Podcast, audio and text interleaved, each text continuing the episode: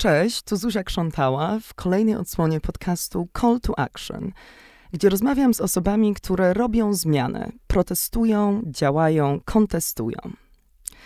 A dzisiaj o osobach z niepełnosprawnością, największą mniejszością na świecie i taką, do której każdy, każda z nas w którymś momencie życia może dołączyć niekoniecznie doświadczając bezpośrednio niepełnosprawności, ale też opiekując się osobą, która wymaga pomocy. O tym, jak wygląda praca opiekuńcza w Polsce, praca nieodpłatna i często niewidzialna, która zazwyczaj spada na barki kobiet. Rozmawiam z Karoliną Kosecką, inicjatorką ruchu na rzecz osób z niepełnosprawnością i ich opiekunów, opiekunek pod hasłem 2119 PLN. Zaraz wyjaśnimy, co się kryje za tym hasłem, za tą kwotą. Cześć Karolka. Cześć Zuziu. Strasznie cieszę, że jesteś tutaj ze mną. Wyjątkowo w Polsce udało mi się ciebie złapać. E, wspomnę też, że jesteś, że jesteś studentką dramaterapii. Piszesz i podcastujesz dla feministycznego magazynu w sieci Shine. Walczysz z ubóstwem menstruacyjnym w okresowej koalicji, grasz na bębnach i skrzypcach. Dużo tego wszystko, ale to właśnie e, bycie starszą siostrą Konrada i Nikodema e, w dużej mierze ukształtowało to, co dzisiaj robisz i kim jesteś. Absolutnie tak. Myślę, że ukształtowało to, kim jestem w jakichś 90 paru procentach. A myśmy pierwszy raz, znaczy ja cię pierwszy raz widziałam um, na, na tegorocznej gali superbohaterek Wysokich Obcasów. I pamiętam, jak mówiłaś ze sceny, odbierając nagrodę specjalną w towarzystwie Agnieszki Szpili, Jagdy Marczułajtis-Walczak i swojej mamy Katarzyny, z którą też powinnam powiedzieć, to z nią ruszyłaś do boju. Um, I powiedziałaś wtedy, że chcesz, żeby aktywizm na rzecz osób z niepełnosprawnością też był sexy. Jak widzimy, klimat czy prawa reprodukcyjne przyciągają wielotysięczne tłumy na różne demonstracje. A jak się robi aktywizm osób z niepełnosprawnością w Polsce? Co było takim impulsem? Czemu wyszłaś na ulicę? To jest jakieś moje wielkie marzenie, żeby właśnie aktywizm na rzecz osób z niepełnosprawnością był sexy. I wydaje mi się, że za tym zdaniem w ogóle stoi dużo więcej niż samo to, żeby aktywizm był sexy. Dlatego, że w momencie, w którym on już byłby sexy, to wyobrażam sobie, że też na wielu innych płaszczyznach niektóre rzeczy zostałyby załatwione. Czyli na przykład to, jak e, takie sojusznicze zaangażowanie na rzecz osób z niepełnosprawnością, jak widoczność osób z niepełnosprawnością, jak to, żeby żeby nie było tak, że jest e, trochę sezon na nas, tak jak jest sezon na ogórki, e, że jak my wyszliśmy za pierwszym czy za drugim razem na ulicę, to e, było po prostu wielkie poruszenie i ze strony opozycji, i ze strony osób rządzących, i ze strony medialnej, no bo osoby z niepełnosprawnością stoją przed pałacem prezydenckim. Ale a i, i, gdyby, gdyby to rzeczywiście, gdyby ta moda jakoś tak porwała e, Warszawę, Polskę, e, mniejsze miasta też, ja może posłużę się tutaj takim, taką symboliczną historią, że jak zaczęłam być weganką, jak miałam 13 lat, to w niektórych sklepach czasem były takie jogurty um, alpro-waniliowe. I to był szczyt po prostu możliwości. A teraz, y, y, jak słuchają, słuchacie y, nas, to, to wiecie mniej więcej, jakie są wegańskie możliwości w Polsce i też w Warszawie, która jest w ogóle jakimś drugim mm, miastem w Europie pod względem dostępności weganizmu.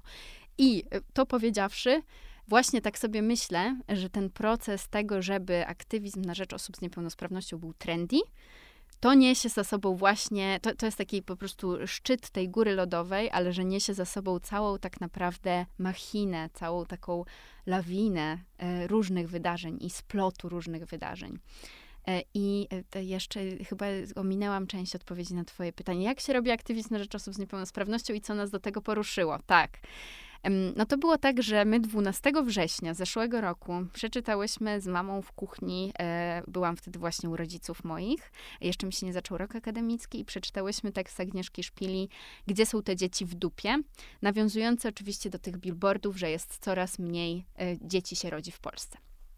I to nie jest tak, że my wtedy przeczytałyśmy ten tekst i nagle miałyśmy takie, trzeba coś z tym zrobić, bo to jest poważny problem. Tylko to bardziej było tak, że Agnieszka zrobiła nam taki, taki zastrzyk emocjonalny rzeczy, które my przeżywamy i które gdzieś się w nas rozlewały przez lata, przez tam powiedzmy 20-21 lat, bo mój brat y, ma 23, ale został zdiagnozowany jak miał 2 lata.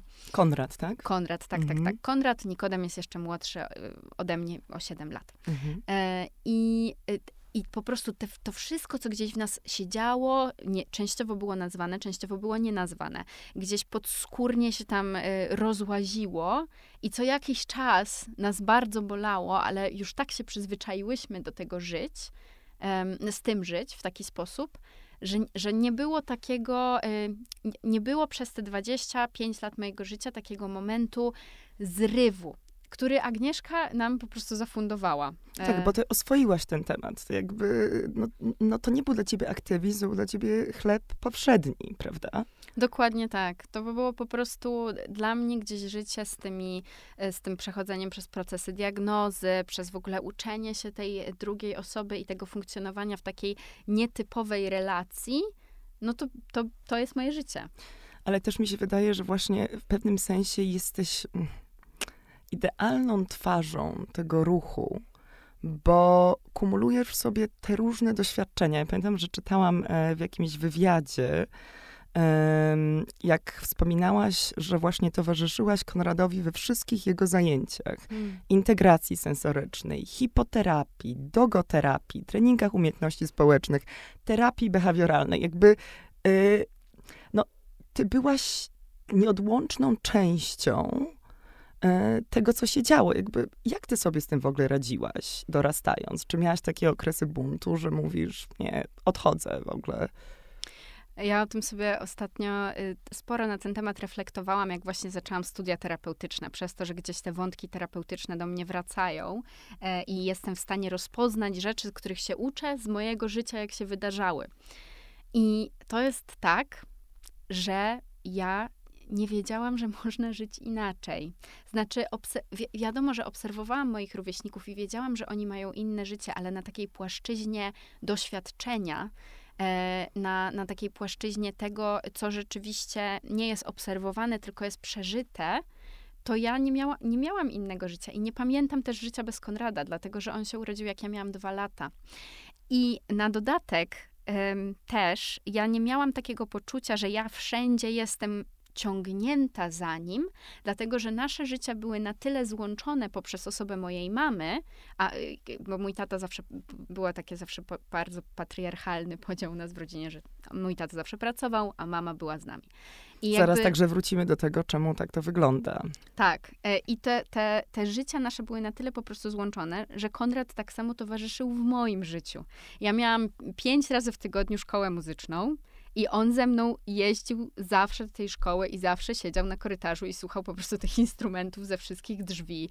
Odbierali, jak jeszcze, jak jeszcze byłam odbierana ze szkoły, to odbierali mnie zawsze z moją mamą razem. Em, więc dla mnie to, to po prostu działało tak, że no my jesteśmy, jakby musimy gdzieś te życia połączyć, więc ja jestem z nim, a on jest ze mną. I tak naprawdę wtedy dla mnie to było oczywiste i ja dopiero teraz, e, jak sobie myślę na ten temat i sobie to reflektuję, to dopiero gdzieś mi się pojawiają takie myśli, na przykład o tym, o tym naprawianiu go. Jak dużo w tej terapii było z tego naprawiania i tego ciągłego poczucia, że on musi dobić do tej typowości, do tego jakiegoś, do, do- tej jakiejś minimalnej linii tego, żeby normalnie funkcjonować w społeczeństwie. I jakby ta, ta no właśnie podmiotowość versus naprawianie mi się gdzieś dopiero zaczyna teraz pojawiać tak naprawdę. czy jakieś takie próby, m, ale były też to próby komunikacji z nim, prawda? Bo Konrad nie jest, nie jest właśnie werbalny, tak? Jak wy się komunikujecie ze sobą?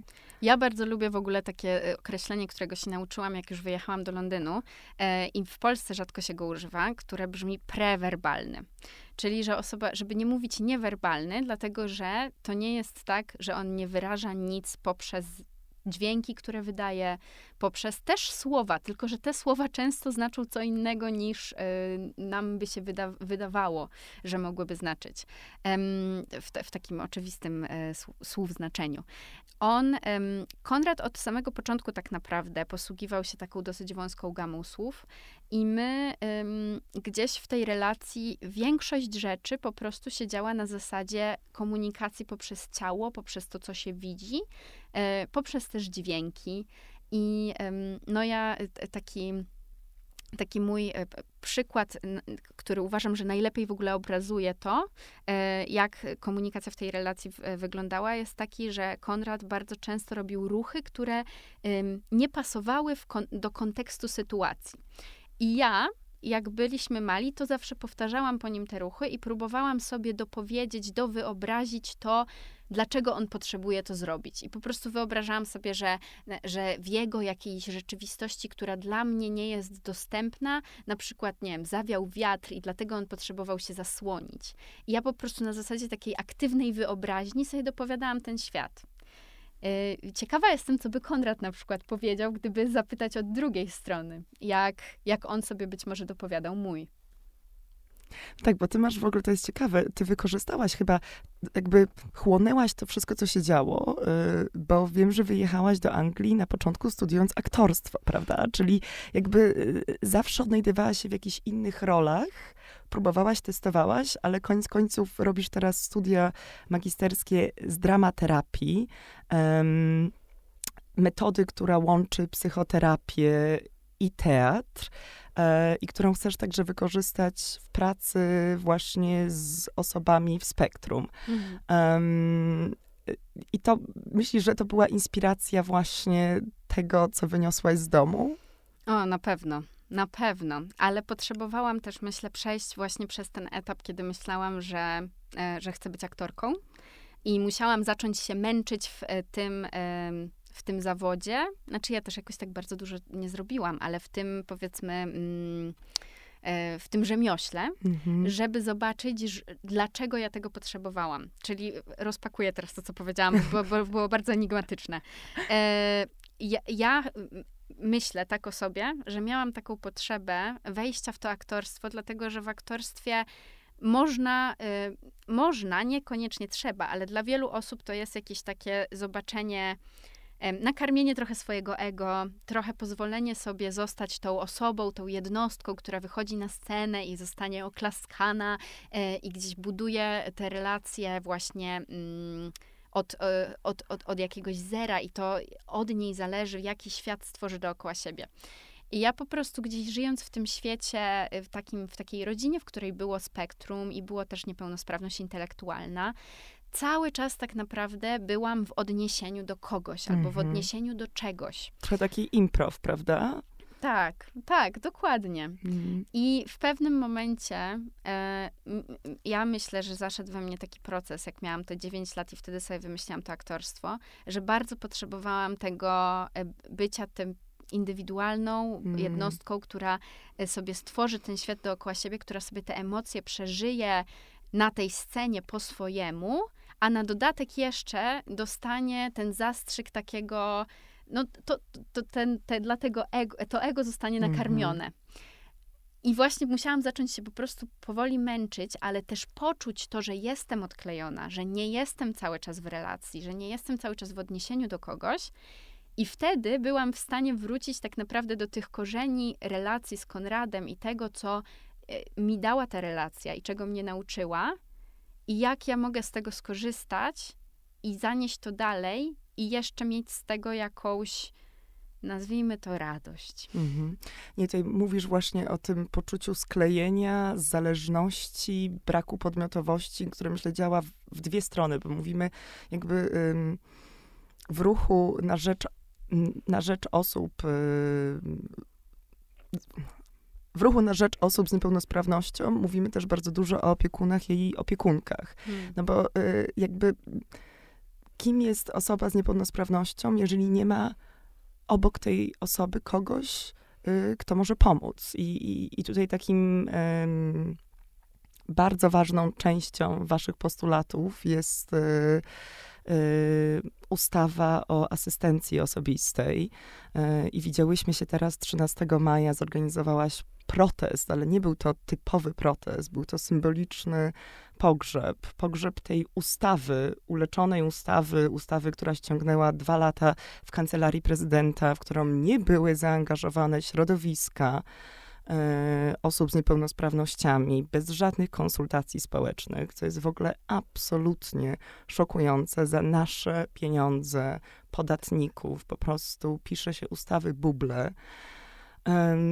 A, a asystencja osobista to jest kwestia być lub nie być, żyć albo nie żyć. I, i, i właśnie wybrzmiało to bardzo w tych wszystkich y, mowach pogrzebowych, bo tak, mhm. tak, to, tak to nazwałaś niesamowicie. Wybrzmiał ten, e, no, dramatyczna prośba czy życzenie rodziców i opiekunów osób z niepełnosprawnościami, żeby to dziecko, to dorosłe dziecko umarło przede mną, bo kto się nim zajmie, kto się nim zaopiekuje, jak mnie zabraknie. Mm, I to jest wielka odpowiedzialność, która ciąży też na tej drugiej stronie.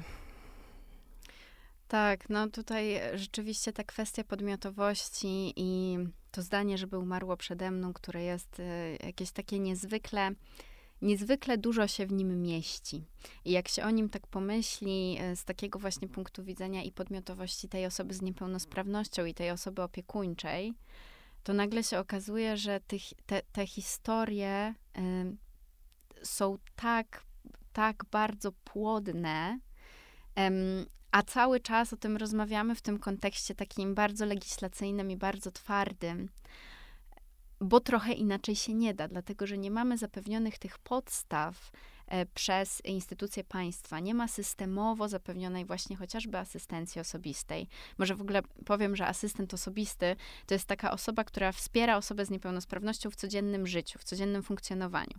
E, I jakby to pokrywa naprawdę taki bardzo, bardzo szerokie spektrum czynności, po to, żeby osoba była w stanie wieść wspomagane, ale niezależne życie. I to jest tak, że niezależnie od opiekuna, opiekunki, no bo jakby no ta mama siostra, brat, tata zawsze gdzieś będą też na wyciągnięcie ręki, prawda?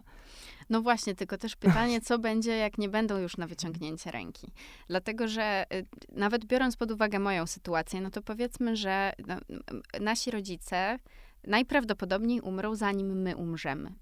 I y, moi bracia, y, obaj są w spektrum, a Konrad jeszcze ma niepełnosprawność intelektualną i Konrad potrzebuje takiej asystencji 24 godziny na dobę.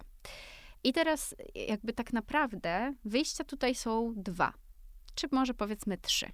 Jest albo takie wyjście, że my z Konradem przeżyjemy nasze życie zupełnie sklejeni i Konrad powiedzmy będzie żył ze mną i z moim partnerem i z naszymi psami i będziemy sobie mieli taką rodzinę.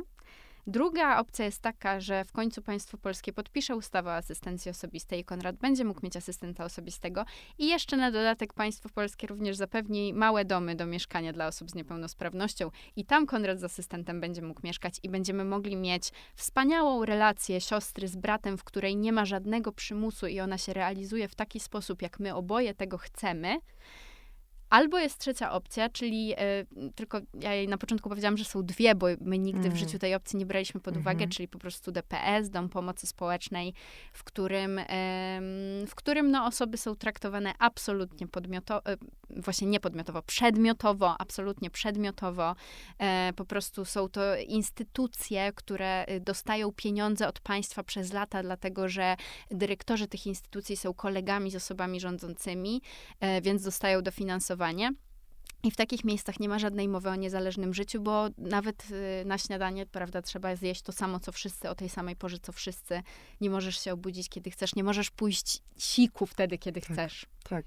Chciałam tutaj przytoczyć um, list, który, który napisała Asia Dryjańska, który przeczytała Małgorzata Szumowska w czasie waszego protestu, e, skierowany do jej syna z niepełnosprawnością intelektualną który, tak jak mówisz, żyjąc w Polsce na ten moment, w obecnej sytuacji prawnej, no nie ma perspektyw na dorosłość i niezależność. Czy mam cię wychować na więźnia? przygotować na śmierć społeczną, która cię czeka w instytucjach zamknięcia? Pyta syna Asia.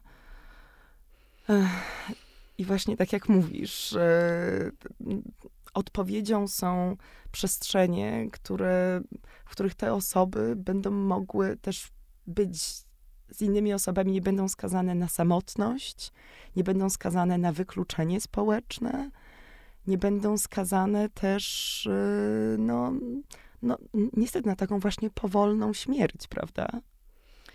Ja bardzo to obserwuję z tej perspektywy właśnie londyńskiej, bo tak jak powiedziałaś, jeszcze, jeszcze tam jestem na studiach, zostało mi jeszcze półtora roku do końca magisterki.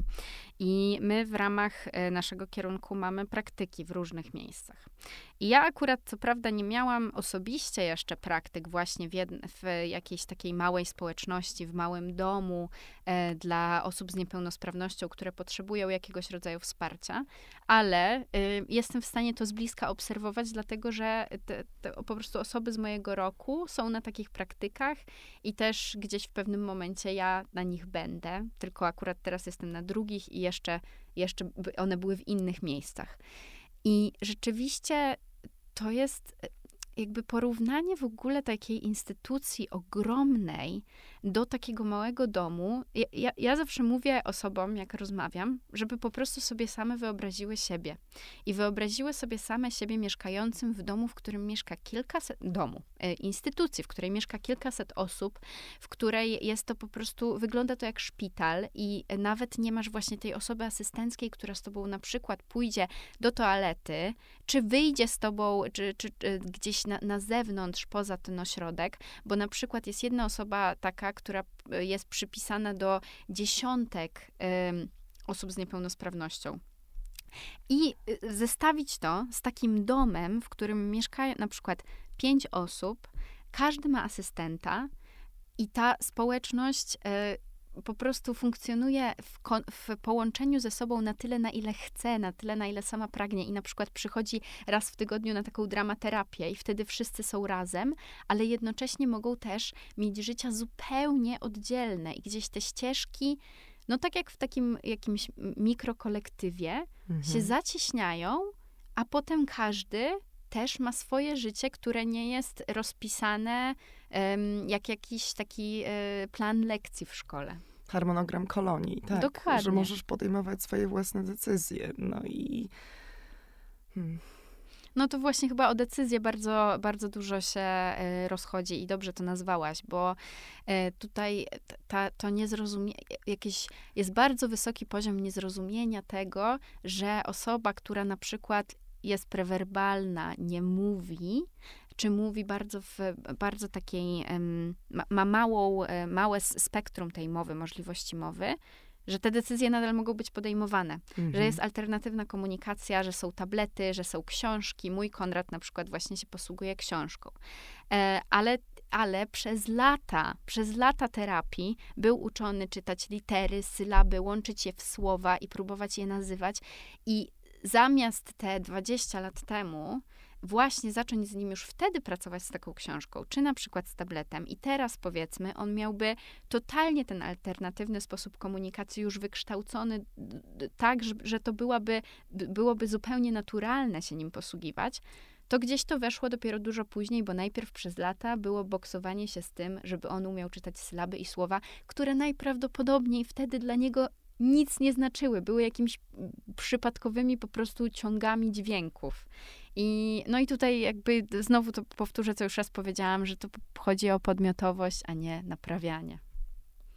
Ale też chyba chodzi o taką intuicję i budowanie relacji. Znaczy, wiesz, no to, no to zlepienie, mówimy, że ma też swoje, no jest negatywne, bo, bo odbiera podmiotowość, odbiera niezależność, ale też jest to piękna relacja, której wydaje mi się, że czasami E, ludzie uciekają, boją się takiej właśnie bliskości, że um, powiedziałaś też coś niesamowitego e, w swoim wystąpieniu na tym proteście. Mhm. Mówiłaś o przeżywaniu żałoby po, po wyobrażonym dziecku, po dziecku, które nosi się w brzuchu, ale też dziecku, którego się oczekuje z brzucha mamy jako starsza siostra. I właśnie powiedziałaś też, że ta, że ta żałoba niekoniecznie ona nie musi wynikać z tej niepełnosprawności. To nie o to chodzi, tylko właśnie o to, że żyjemy w takim państwie, które nie stwarza warunków, żeby to niekoniecznie było przeszkodą w budowaniu pięknej relacji brata i siostry.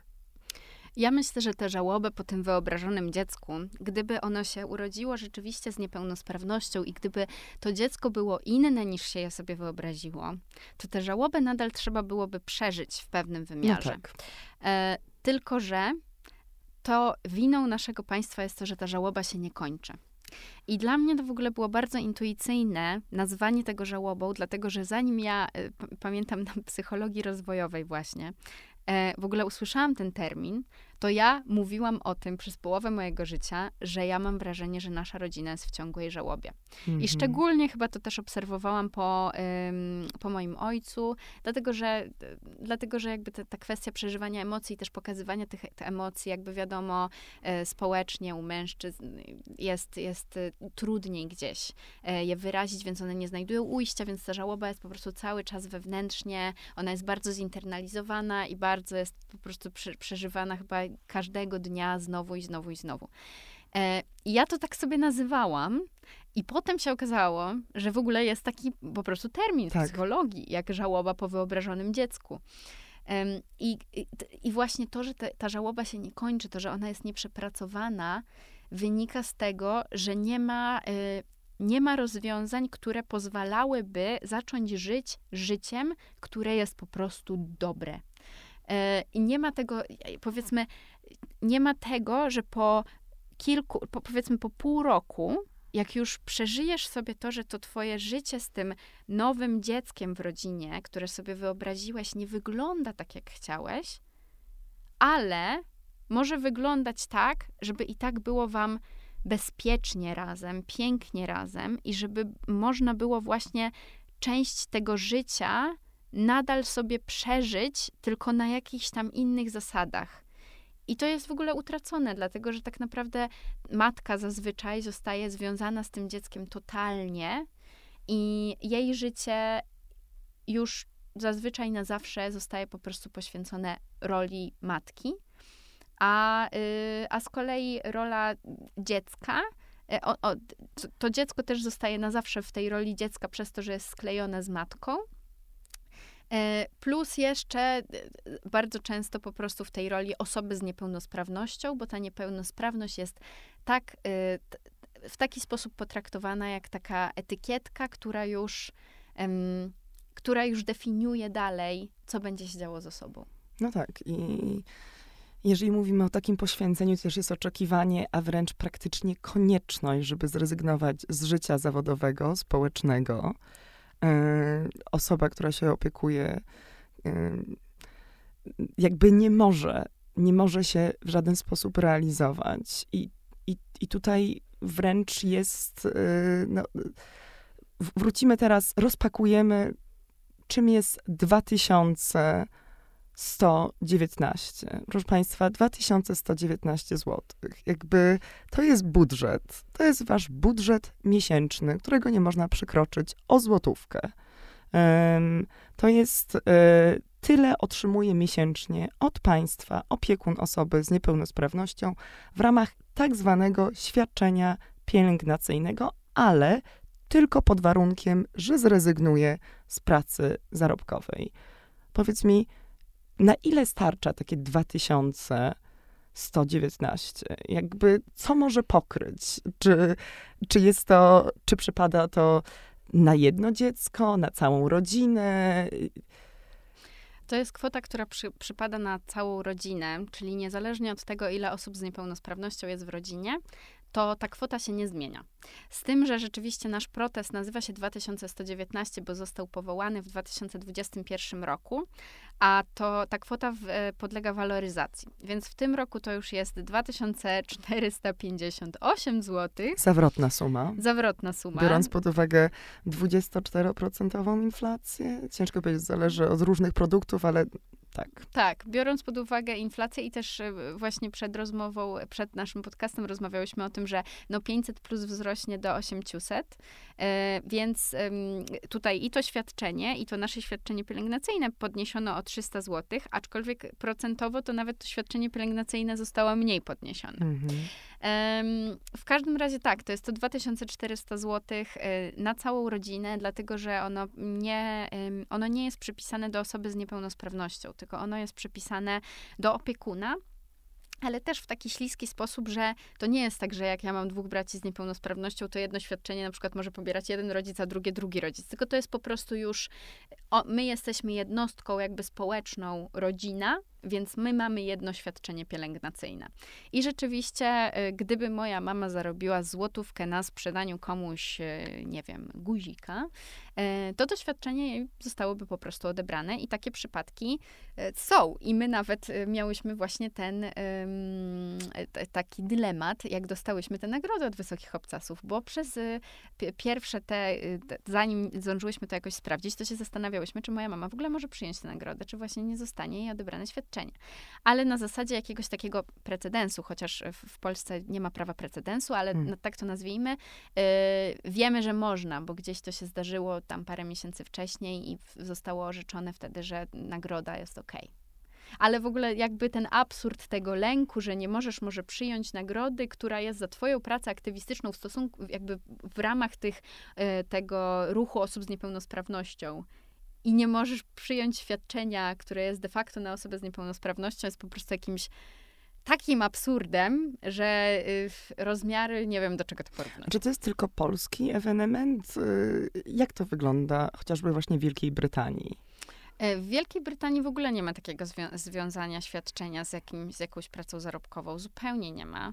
E, ja ostatnio, jak byłyśmy na socjalnym kongresie kobiet, to właśnie od dziewczyn ze Słowenii słyszałam, że podobno u nich też jest w jakiś to sposób połączone niestety z pracą zarobkową. Um, aczkolwiek, e, aczkolwiek no na przykład Słowenia ma 300 godzin e, asystencji osobistej. Mm. Więc też jeżeli jest 300 godzin asystencji osobistej, to może niekoniecznie trzeba pobierać świadczenie pielęgnacyjne, bo można na przykład pracować zamiast wykonywać pracę opiekuńczą. Coś chciałaś powiedzieć? Nie, nie, ale pomyślałam sobie, bo Polska też przecież ratyfikowała y, konwencję na rzecz osób z niepełnosprawnościami i, i my też to mamy wpisane od 12 y, lat, prawda? Znaczy chyba 11 lat. Tak. Czyli to też jest prawnym obowiązkiem, żeby finansować i wspomagać jak najbardziej. Może powiesz coś więcej o tej uleczonej, wciąż niepodpisanej ustawie. To jest dla mnie w ogóle jakaś totalnie zawiła historia. I co my możemy zrobić? Czy możemy podpisać apel? Czy możemy jak możemy zawalczyć, żeby coś się zmieniło? Mhm. Ustawa o asystencji osobistej e, właśnie powstawała w kancelarii prezydenta przez ostatnie dwa lata e, i została nam przedstawiona fragmentarycznie przez ministerstwo. E, I te fragmenty, które zostały nam przedstawione, są bardzo złe.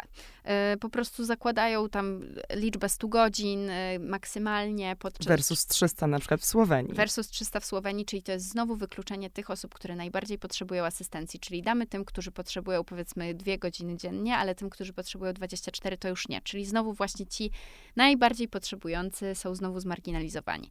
E, nie zakładała dzieci, e, w ogóle zakładała jakieś takie wchodzenie ustawy w dwóch krokach, tylko że ten drugi krok nie jest w żaden sposób zapewniony, więc my w sumie nie mamy żadnej pewności, że kiedykolwiek on zostanie postawiony. No tam było dużo takich rzeczy, które nam po prostu się bardzo nie podobały. Przy czym chciałabym też tutaj zaznaczyć, że Kancelaria Prezydenta dostała od nas e, dekalog asystencji osobistej, który zawiera wytyczne, co musi być w tej ustawie. 13 punktów, tak? Tak.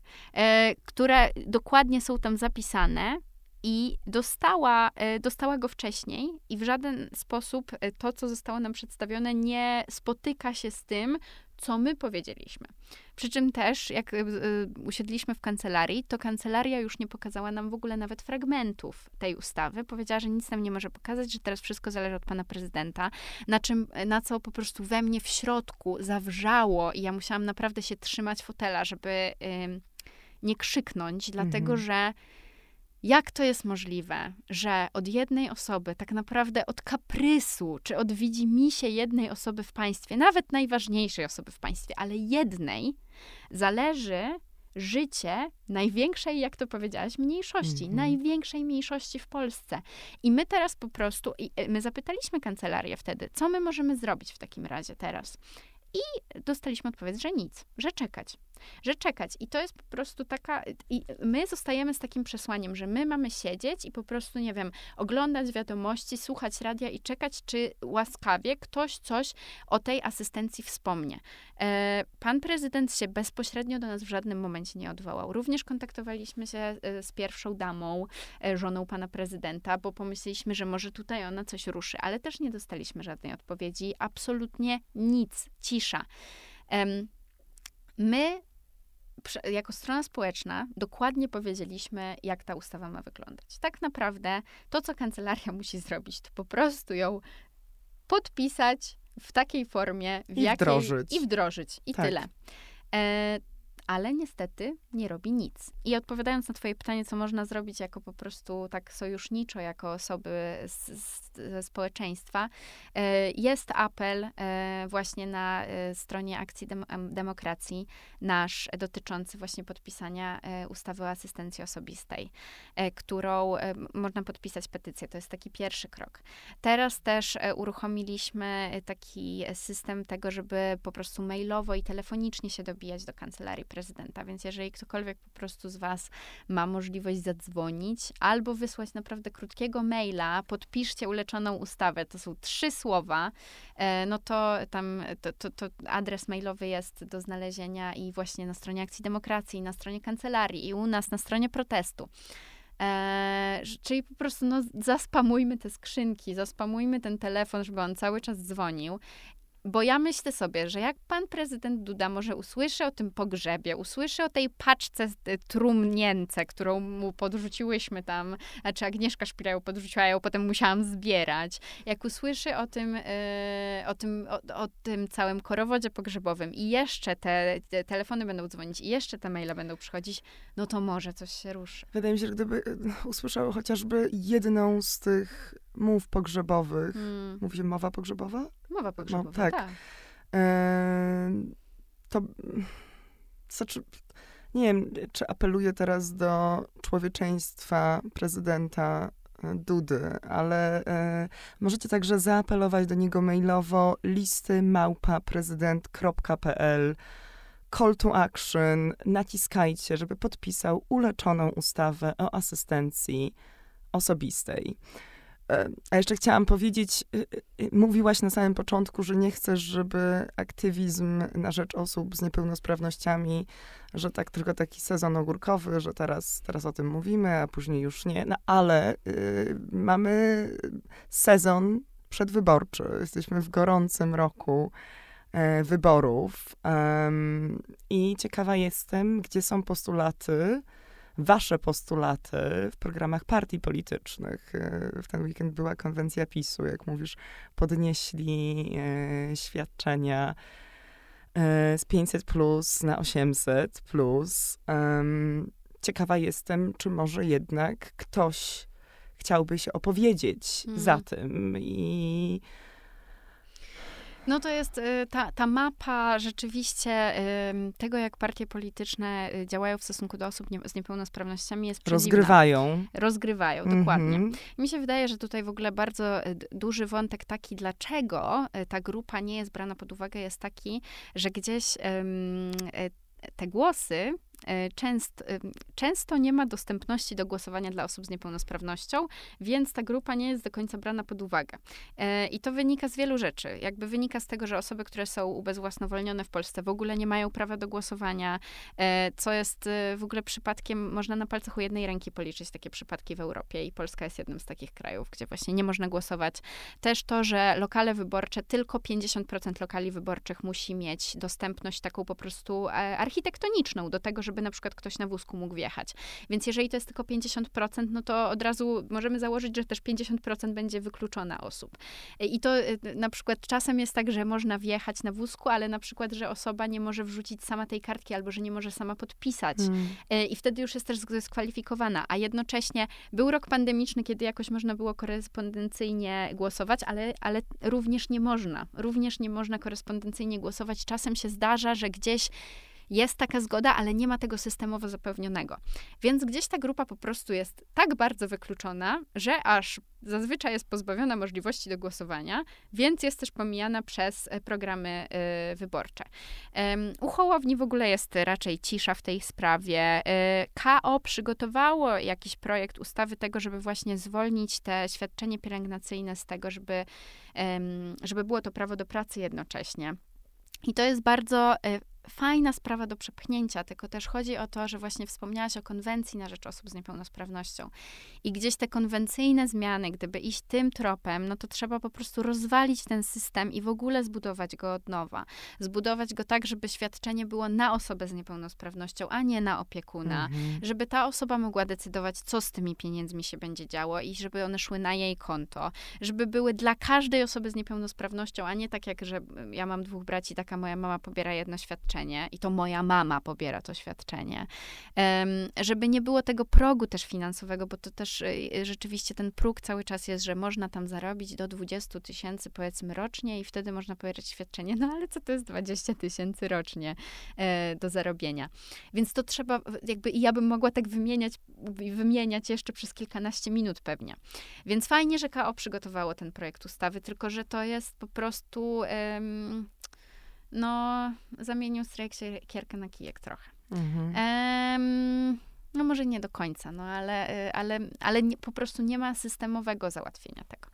Um, no lewica tutaj rzeczywiście fajnie kombinuje z tą ustawą teraz, um, no, bo, no bo teraz powstaje ta ustawa o świadczeniu wspierającym zamiast świadczenia pielęgnacyjnego właśnie w Ministerstwie Rodziny i Polityki Społecznej, która miałaby właśnie dać świadczenie osobie z niepełnosprawnością i to świadczenie miałoby tam mieć kwotę w zależności od tego, ile wsparcia potrzebujesz. Czyli nie mierzymy już poziomu niepełnosprawności, tylko mierzymy po prostu poziom wsparcia.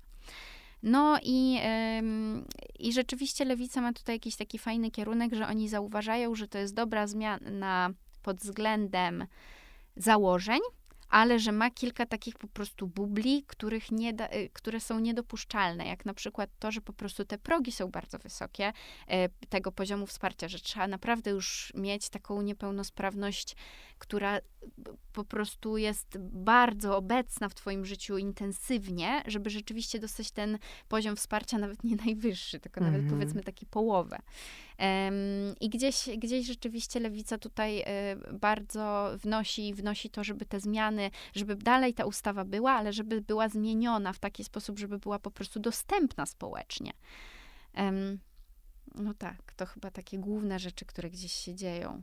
A, Czyli y, pamiętajcie, e, głosujemy, podpisujemy, mówimy. Wydaje mi się, że język inkluzywny jest tutaj też bardzo istotny. Co jeszcze możemy zrobić, e, żeby być e, dobrą sojuszniczką, dobrym sojusznikiem osób z niepełnosprawnościami? Ja myślę, że gdzieś bardzo ważne jest takie działanie. Mm, w ramach swoich społeczności. Dlatego, że taka zmiana duża społeczna, y, to już naprawdę trzeba oddać y, swoje życie i pójść w jakiś po prostu pakt y, z tym państwem i się zawiązać z nim, z, z, z, z, jego jakąś strukturą działania, żeby próbować, żeby cały czas i cały czas być w tym działaniu. Ale, ale tak naprawdę te osoby z niepełnosprawnością są są w naszych społecznościach małych, naszych społecznościach szkolnych, czy uniwersyteckich, czy zawodowych.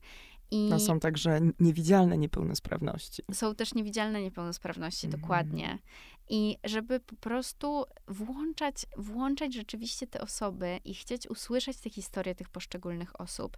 I nawet taka, taka, takie, takie rzeczy, które się mogą wydawać jakieś um, bardzo często niewidoczne, e, jak na przykład to, żeby jak się jest pracodawcą i się zapewnia miejsca pracy, żeby nie dyskryminować osób z niepełnosprawnością, czy jak widzisz, że ma jakąś powiedzmy diagnozę gdzieś w swoich papierach, to żeby jednak mimo wszystko, nie, i to się wydaje oczywiste, że masz nie mhm. podchodzić do tej osoby, tylko że bardzo często to jest totalnie u nas jakaś z, zinternalizowana dyskryminacja, której sami nie jesteśmy e, świadomi. A ja nawet bym poszła krok dalej i bym nawet powiedziała, może czasem nawet właśnie potraktuj tę niepełnosprawność jako atut. Mhm. Właśnie może nie pomyśl sobie, że patrzysz na dwie osoby i nie będziesz ich oceniał w kontekście pełnosprawności czy niepełnosprawności, a może właśnie czasem oceń to w takim kontekście, że ta osoba ma niepełnosprawność, więc już i tak musiała przeżyć i przeskoczyć dużo więcej Tak. niż ta osoba pełnosprawna, żeby być tu teraz z tobą na tej rozmowie kwalifikacyjnej. Pięknie powiedziane. Bardzo Ci dziękuję, Karola. I Dzięki. do zobaczenia na kolejnym proteście. Do zobaczenia na kolejnym proteście. Cześć. Cześć.